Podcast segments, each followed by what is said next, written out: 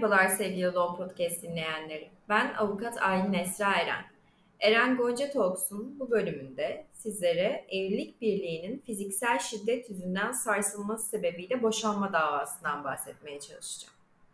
Eşlerin fiziksel şiddetle ilgili davranışları evlilik birliğinin sarsılması sebebiyle boşanma davasında boşanma konusu davranışlarındandır. Evlilik birliğinin fiziksel şiddet yüzünden sarsılması sebebiyle boşanma davası Türk Medeni Kanunu'nun 166. maddesinin birinci fıkrasında ayrıntılı olarak düzenlenmiştir. Eşin vücut bütünlüğüne zarar veren her türlü davranış fiziksel şiddet sayılır. Eşlerin fiziksel şiddetle ilgili davranışları uygulamada çeşitlilik göstermektedir. Evlilik birliğinin sarsılması sebebiyle boşanma davasında fiziksel şiddet içeren davranışları şu şekilde ayırabiliriz. Birincisi doğrudan fiziksel şiddet göstermek, ikincisi dolaylı fiziksel şiddet göstermek, üçüncüsü de diğer ve çeşitli fiziksel şiddet sebepleri. Dilerseniz fiziksel şiddet yüzünden boşanma davası konusunu biraz içtihatlar yönünden inceleyelim. Örneğin bir içtihatta eşini kesici aletle yaralama boşanma sebebi olarak kabul edilmiştir. Dosyada şöyle der. Dosyadaki yazılara, kararın dayandığı delillerle, kanuni gerektirici sebeplere ve özellikle mahkemece kadına kusur olarak yüklenen hakaret eylemine erkek vaka olarak dayanmamış olup, kadına bu eylem kusur olarak yüklenemez ise de, mahkemece taraflara yüklenen ve gerçekleşen diğer kusurlu davranışların yanında kadının ayrıca erkeğe ve yakınlarına son olayda bıçakla saldırdığı ve tehdit ettiği bu hale göre de evlilik birliğinin sarsılmasına neden olan olaylarda tarafların eşit kusurlu oldukları anlaşıldığından tarafların yerinde bulunmayan temiz itirazlarının reddiyle usul ve kanuna uygun olmayan hükmün onanmasına karar verilmiş. Bir diğer içtihat oluşturan kararda ise eşini dövme boşanma sebebidir der.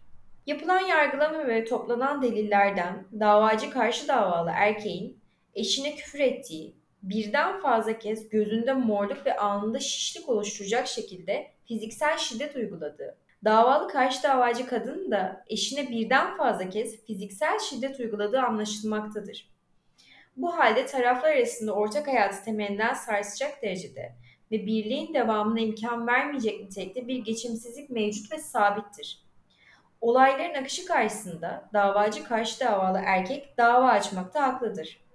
Bu şartlar altında eşleri birlikte yaşamaya zorlamanın artık kanunen mümkün görülmemesine göre davacı karşı davalının davasını kabulüyle boşanmaya karar verilecek yerde yetersiz gerekçeyle davasına reddi doğru bulunmamıştır. Yani Yargıtay eşlerin birbirine fiziksel şiddet uygulamasını boşanma için yeterli görmüştür ve yerel mahkemenin kararını bozmuştur.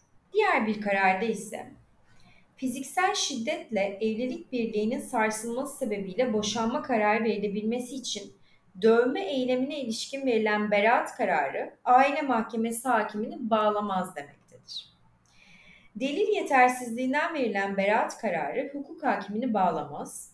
Yapılan soruşturma ve toplanan delillerden davalı erkeğin davacı kadına fiziksel şiddet uyguladığı anlaşılmaktadır. Bu halde taraflar arasında ortak hayatı temelinden sarsacak derecede ve birliğin devamına imkan vermeyecek nitelikte bir geçimsizlik mevcut ve sabittir. Olayların akışı karşısında davacı dava açmakta haklıdır. Bu şartlar altında da eşleri birlikte yaşamaya zorlamanın artık kanunen mümkün görülmemesine göre boşanmaya karar verilecek yerde yetersiz gerekçeyle davanın reddi doğru bulunmamıştır. Burada da yine bir ilk derece mahkemesi eşlerin birbirine fiziksel şiddet uygulamasını boşanmak için yeterli görmemiş fakat Yargıtay eşlerin birbirine fiziksel şiddet uygulamasını boşanma için yeterli bulup ilk derece mahkemesinin kararını bozmuştur.